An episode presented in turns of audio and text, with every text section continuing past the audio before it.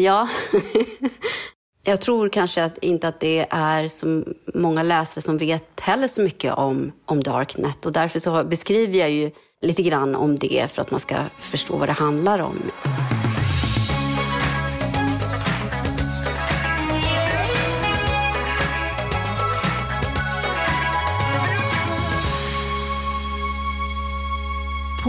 Leona Lindberg är en tuff cookie som skapar sina egna regler för hur livet ska levas. Men det finns gränser också för henne och det är dit dagens gäst, författaren Jenny Rogneby, nu pressar sin hjältinna i den femte delen i Leona-serien. För här i Öga för öga åker handskarna av och det blir personligt på en helt ny nivå. Familjehemligheten blir ju en riktig chock för Leona själv också. Välkommen till avsnitt 104 i Pocketpodden. Jag heter Lisa Tallroth.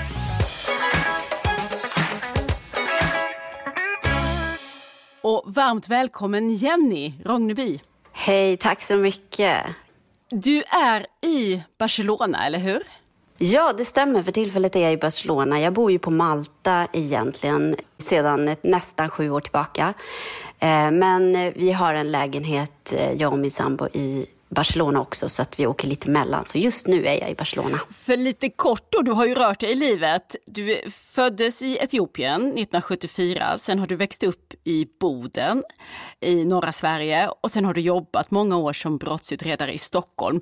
Men när du började din karriär som författare, då började du också det här utlandslivet och röra dig mellan Malta och Barcelona. Mm. Hur kommer det sig just de här platserna, eh, att det har blivit dina nya hem? Ja, alltså inför att jag skulle skriva den första bo, Leona-boken så då jobbade jag på Citypolisen i Stockholm som brottsutredare och jag fick den här idén, då, bokidén och bestämde mig för att verkligen satsa och, och försöka skriva en bok på allvar trots att jag inte hade gjort det tidigare. Så att jag tog ledigt då ett år från polisen och, och eh, tänkte också att jag skulle liksom, ja, när jag inte hade jobbet att tänka på så ville jag helt gå in för att skriva en bok. Så jag, eh, för att inte få så mycket, ha så mycket som distraherade mig i Sverige så flyttade jag utomlands under ett år och skrev den här första boken. Och att det blev Malta var egentligen mer eller mindre, ja, mer eller mindre en slump. Jag och min kille hade varit på Malta eh, på en midsommarhelg bara och, och, tyckte att det var en väldigt vacker ö och det är praktiskt också. Den ligger mitt i Medelhavet och alla pratar engelska så det var enkelt och så. Och sen så slutar det ju med att jag bor då på Malta helt och hållet. Så att eh, ja, det har, jag har ett speciellt eh, förhållande till den, den lilla ön. Ja, vi kan återvända till det och, och vad det betyder för skrivandet. För att, eh, men det var ju då som du var inne på debuten där som startade detta nya liv 2014, Tärningen i kastad hette den. Och det var ju då första gången vi fick lära känna Leona och Leona är ju bärande för den här serien. Det står stort på omslaget men det är ju fem fristående delar också. Men, men jag tycker Leona är ju liksom eh, den centrala figuren i den här serien som man blir ganska nyfiken på, för hon är ju hon är inte riktigt som andra poliser, om man säger så. Du får berätta, vem, vem är Leona? Hur skulle du presentera henne? Ja, men Leona, alltså hon, jag vill ju skapa en, eller jag vill skildra en kvinna som bryter mot normerna för hur en kvinna och en mamma och en polis då förväntas vara. Och Leona har ju liksom hela sitt liv strävat efter att skaffa sig det perfekta svenssonlivet egentligen. Att vara den här perfekta frun till sin man, den perfekta mamman, den perfekta arbetstagaren. Och hon, och hon lyckas ju uppnå allt det här. Men då eh, vid seriens början när hon är runt i 35-årsåldern och har allt det här så sätter hon igång och ifrågasätter det. Är det här allt? Är det här ett liv som jag själv har valt egentligen? Eller har jag helt enkelt köpt samhällets syn på hur en kvinna ska vara?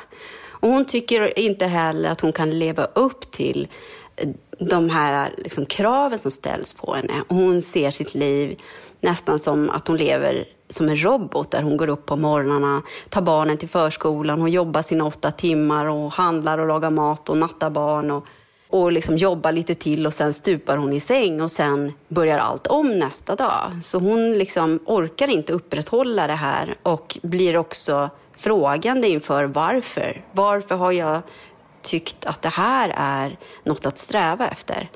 Så att eh, och det här livet, liksom, det, det, blir också ganska intressant när hon i en av böckerna träffar en kille som kommer från helt från det andra hållet. Han är kriminell men vill inget annat än att leva det här bli hederlig och leva det här Svenssonlivet. Så då krockar deras två mål. Då. Men hennes drömmar är att, att bli ekonomiskt oberoende och leva på en, en solig plats eh, utan det här inrutade vardagslivet. Så hon bestämmer sig för att bryta sig loss.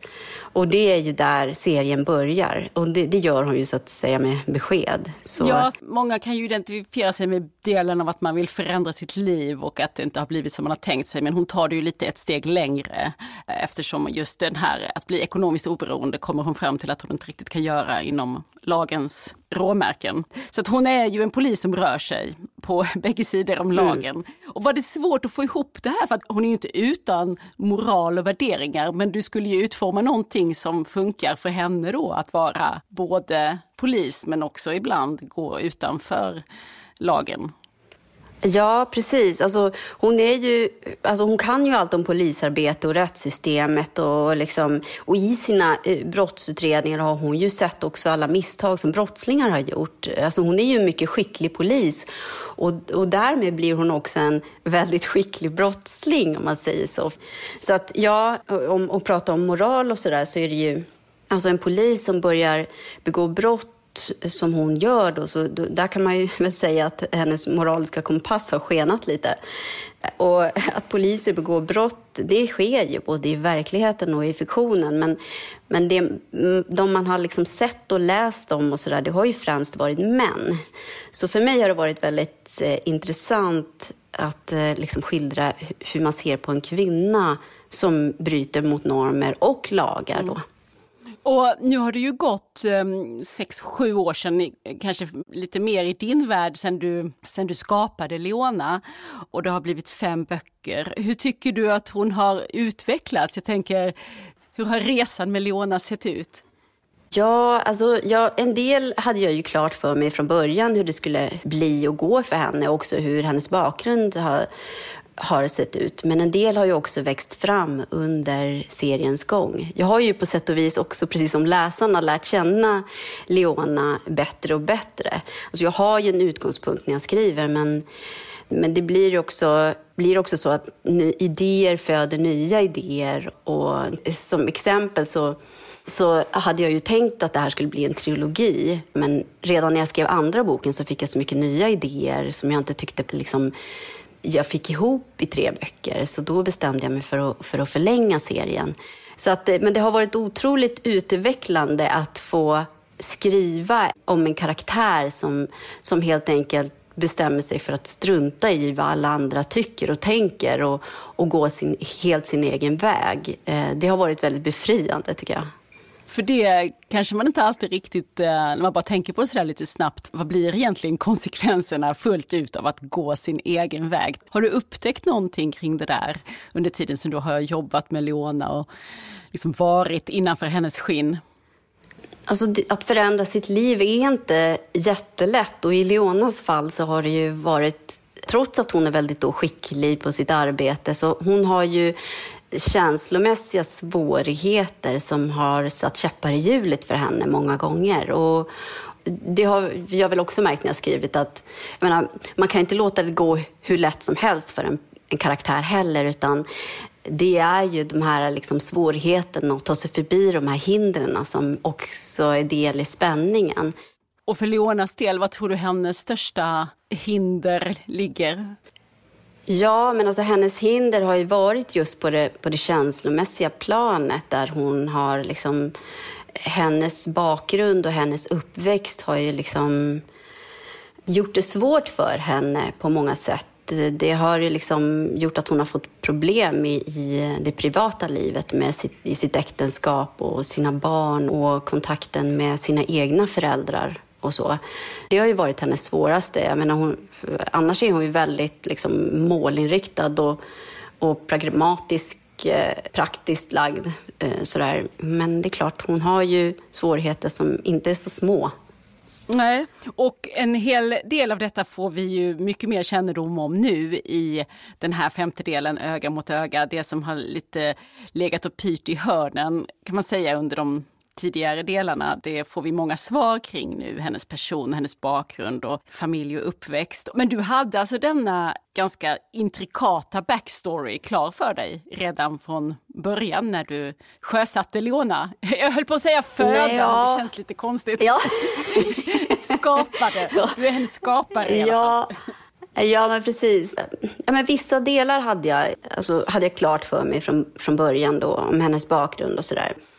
Och jag har ju liksom i varje bok försökt portionera ut, man har fått lära känna Leona lite mer för varje bok. Men det har ju också, jag har ju också fått frågor om henne och hennes bakgrund.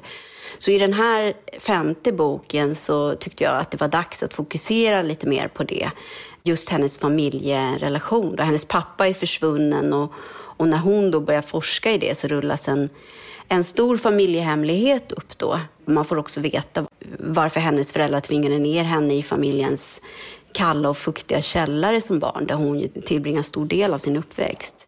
Familjehemligheten blir ju en riktig chock för Leona själv också. Så där och för läsaren kan jag säga. Ja. De som lyssnar här nu hör ju att vi tassar runt för det är mycket vi inte kan berätta för att vi inte förstöra den här läsningen som verkligen är full av överraskningar och twists och turns. Men, men som du var inne på, startfältet kan vi i alla fall berätta lite grann om och då förutom att Leonas pappa är, är försvunnen och det såklart är ett fall som hon inte får utreda. Hennes chef gör ju allt för att distrahera henne med annat. Och där hamnade, dyker upp några andra historier också som vi får ta del av. Bland annat så um, får vi följa två 17-åringar, Hanna och Sibel. De drömmer ju om att bli virala på nätet och jagar häftigt innehåll till sina Youtube-filmer.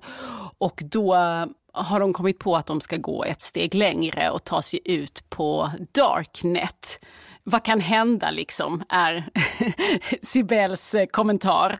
Och det kommer vi ju få veta. Men jag kan säga att jag är inte särskilt bekant alls med detta Darknet. Så att du får nästan börja med att förklara lite grann vad, vad det är för någonting. Ja, alltså Darknet är ju den krypterade delen av internet eh, som, som man inte kan nå via Google och där användarna surfar helt anonymt. Eh, så att eh, all möjlig typ av brottslighet pågår ju där. Och där finns ju också en, den typ av destruktiva sajter och farliga, där farliga självmordslekar förekommer och sånt där. Och eftersom jag skriver nutida eh, kriminalromaner så har det varit intressant att plocka in just såna här, såna här saker som ligger väldigt mycket i tiden. Det har varit nödvändigt, tycker jag till och med, för att det ska kännas för mig äkta och, och, och verkligt. Men det här med Darknet det är ju som gjort för massa rykten och, och, man har lite så här vaga idéer om att det, ja, att det pågår mycket dunkla grejer där. Men har du, som jag tänker också att du har varit på insidan som brottsutredare, har du varit på Darknet? Har du lite koll på vad som finns där eller? Ja, alltså jag, i, mitt, i mitt eget jobb, jag har inte, nu, nu, finns det ju en del på polisen som jobbar med internetbaserad brottslighet specifikt och det gjorde inte jag. Men däremot så har jag ju en hel del kunskap eh, om eh, ja, brott och brottslighet överhuvudtaget, men även internetbaserad brottslighet. Och det jag inte har vetat eller kunnat själv så har jag ju tagit reda på genom att intervjua folk eller läsa böcker. Det finns ju ganska mycket skrivet om det här. Och själv söka på nätet. Öppna nätet, menar du? Ja, men precis. Alltså det, ja, exakt. Det öppna nätet. Det finns ju väldigt mycket att läsa om, om Darknet. Man behöver inte surfa ut själv på Darknet för att, för att läsa om vad det är för någonting. Men de här tjejerna gör ju det. De skaffar sig ju den här den här browsern som man måste ha och sen så ger de sig ut på Darknet. Och jag tyckte ju att det här var intressant att, att ha de här två unga tjejerna, liksom, de här karaktärerna som utforskar den här delen av internet och i den här ständiga jakten på liksom följare och likes så, så helt plötsligt så bevittnar de en väldigt allvarlig och obehaglig händelse på nätet, alltså ett brutalt brott som filmas och streamas. Och, och hur de reagerar på det här och hur de hanterar det.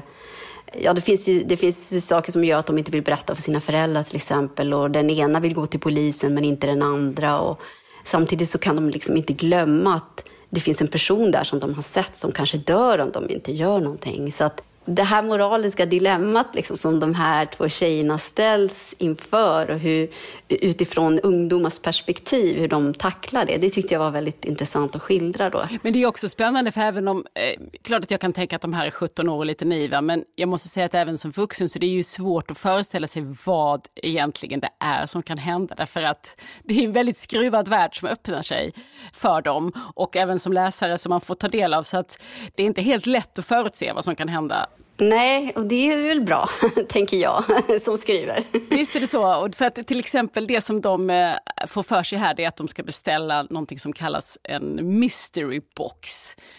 Har du hittat på mystery box eller är det något som förekommer? Ja, nej, det kan man själv gå ut och titta på om man, om man vill det. Jag uppmanar ju ingen att beställa en sån. Men en mystery box är ju ett paket som de här två tjejerna beställer som man inte vet vem avsändaren är eller vad den innehåller. Och så ska de öppna den öppna den då samtidigt som de filmar och lägger upp på Youtube och se vad den här innehåller då. Och då blir de ju väldigt...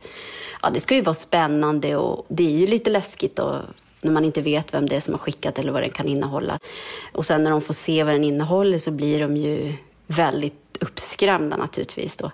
Ja, det existerar. Så, alltså, alla de här sakerna som jag skriver om kan man ju googla på och titta själv om man känner för det på nätet och titta och läsa om, om man vill. Mm.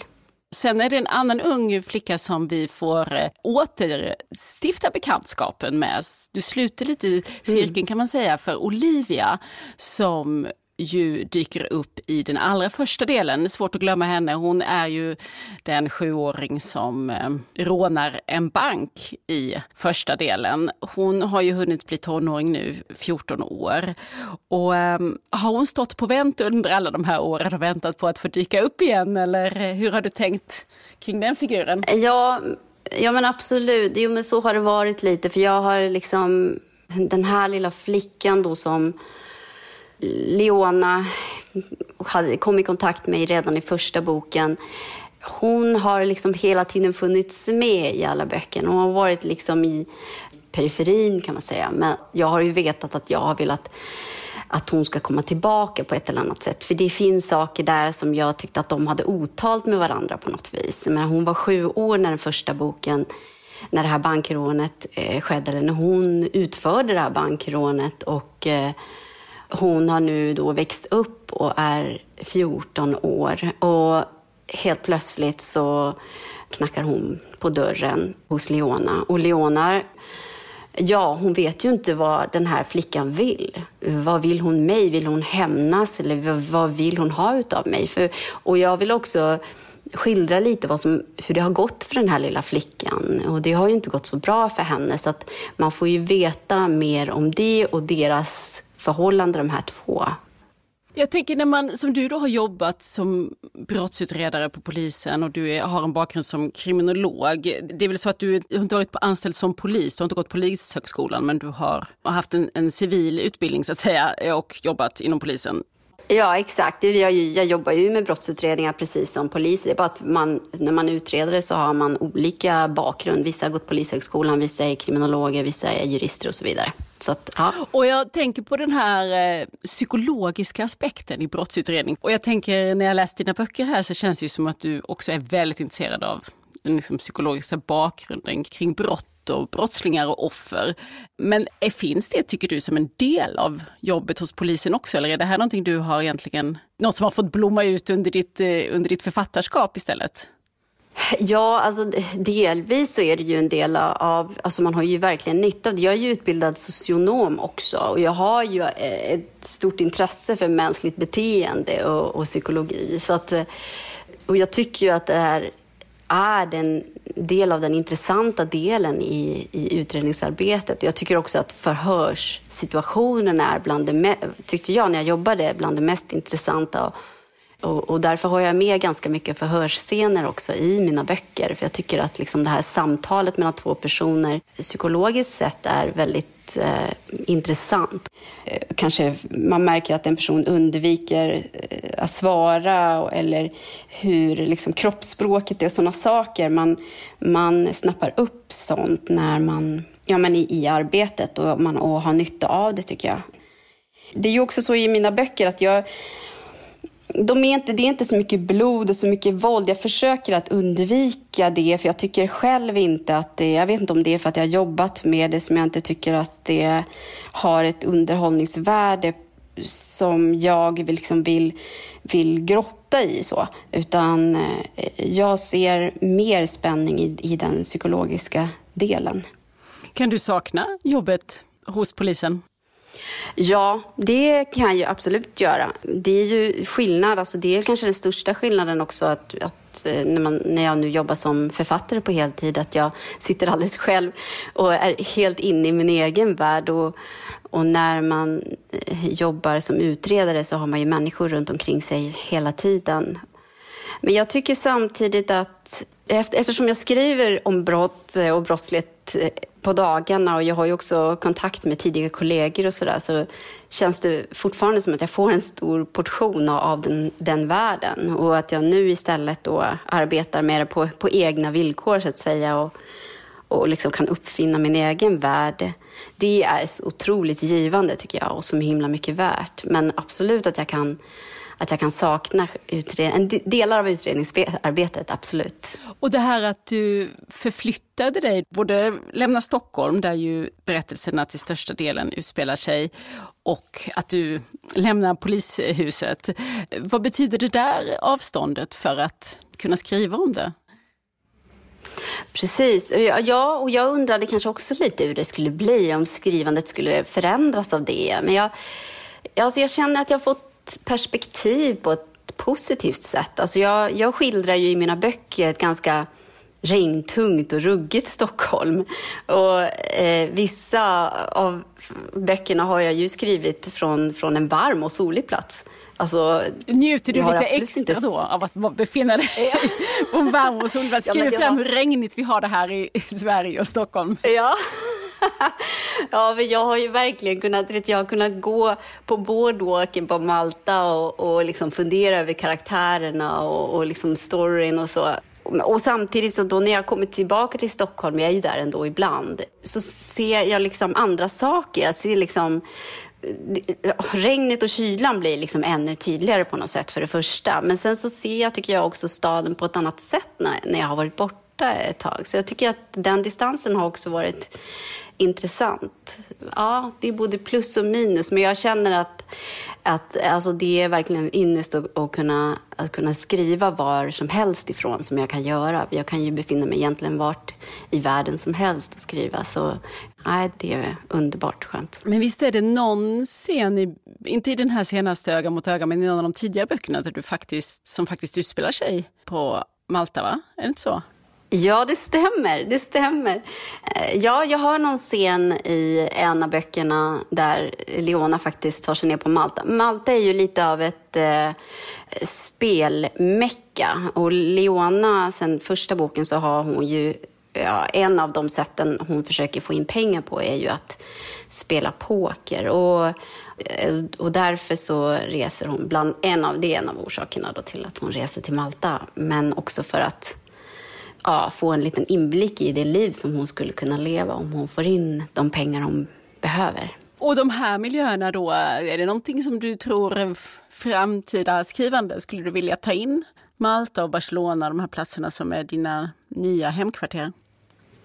Ja, det är inte omöjligt, men jag, jag, jag, jag vet inte riktigt säkert. Jag känner att det är liksom, men som, som Leona har ju sin arbetsplats ännu så länge. Och beroende på vad, vad fortsättningen blir för mig som författare och för serien så, så får vi se. Men kanske att det skulle ligga närmare till hands att skriva om kanske att skildra en del av norra Sverige som jag har växt upp i. Så att eh, vi får se. För där eh, har, ni, har ni också en del brott skulle jag säga, höll jag på att säga. Men jag tänkte på din podd som du har haft eh, eh aktuell här och som man ju fortfarande kan lyssna på, eh, som handlar om Vitaskuppen.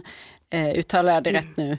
Vietas. Vietas, Vietas, ja, exakt. Också. Vietas-kuppen. Mm. Mm. Det var ju en spektakulär eh, kupp på 70-talet. Och du, kan du inte berätta lite kort, för man kan lyssna på dig när du fördjupar dig den här i Ja, exakt. Nej, men det är en, det är en eh, podcast som Amazon har gjort. och Den handlar om Vietas-kuppen som som skedde där på 70-talet uppe i, i Vietas, eh, där det skedde ett, ett, ganska spektakulärt rån. Så det får man väldigt gärna eh, lyssna på. Mm, så tror jag, det finns ju en hel del där uppe också, så att jag, eventuellt så kanske jag förlägger något, någonting där uppe senare. Men jag vågar inte säga för jag vet inte än. Nej, jag hör att du är lite sådär, nu har du precis eh, blivit klar här med öga för öga och smälter och funderar på fortsättningen. Mm. Men vad ska, vad ska du göra i sommar? Ja, alltså nu har jag ju, jag är så glad. Jag kom hit till Barcelona alldeles nyligen. Jag har varit på Malta och fått eh, vaccin och eh, idag firar jag att det har gått två veckor sedan min andra vaccindos. Så att, så nu känner, börjar man ju känna sig lite mer fri och, och på Malta så har, Malta har det gått så himla bra för, för vaccinationerna. Där, där är nästan hela befolkningen vaccinerad så att samhället börjar återgå lite till det normala. Så, eh, men sen ska jag faktiskt resa till Sverige och vara i Sverige i två månader. Åka, ja, I Stockholm framför allt, men också åka upp till Boden och Luleå och hälsa på mina släktingar som bor kvar där och sådär. Så att, eh, det är skönt att kunna börja röra sig lite. Jag älskar ju och tycker, alltså jag, jag tycker att det har varit svårt att hålla mig på en plats under tiden den här pandemin har pågått. Eh, så att det är skönt att kunna röra sig lite mer i världen. Nu. Ja, såklart. Men då kanske det blir lite inspirationsresa också i sommar, eventuellt då i norra Sverige. Om det ja. blir någon story där så småningom. Ja, en riktig, en riktig semesterläsning är detta serien om Leona som alltså finns i fem fristående delar är de. Men det är ju roligt att eh, följa henne från, från början. Och här i femte delen, Öga för öga, så eh, kan man säga att vi, där får man, man får många svar som man har eh, grunnat på under seriens gång kring Leona och hennes bakgrund. Ska vi säga så Jenny? Vad tycker du? Ja men visst, absolut hoppas att det blir en spännande sommarläsning för era lyssnare. Tusen tack för att du var med här i Pocketpodden. Mm, tack så mycket.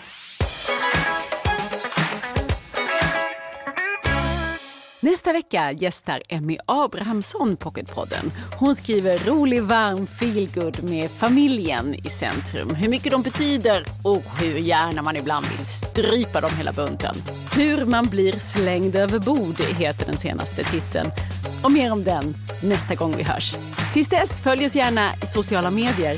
Där heter vi Älska Pocket och jag heter Lisa Tallroth. Hej då! Du har lyssnat på Pocketpodden. En podd från Bonnierförlagen.